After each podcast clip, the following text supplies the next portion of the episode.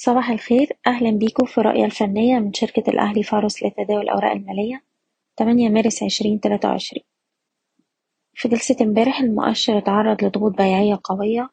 كسر مستوى الدعم وحماية الأرباح عند ستاشر ألف ستمية وسبعين.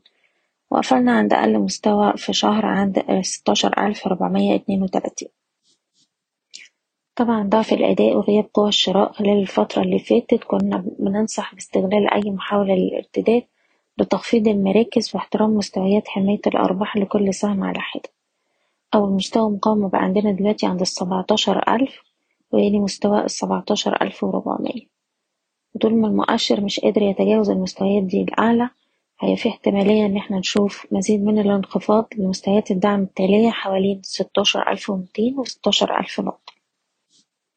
هنبقي على رؤيتنا بأن أي محاولة للإرتداد في الوقت الحالي هنشوفها هي فرص جيدة لتخفيض المراكز خاصة مراكز الشراء بالهامش حتى عودة القوة الشرائية بشكل منتظم.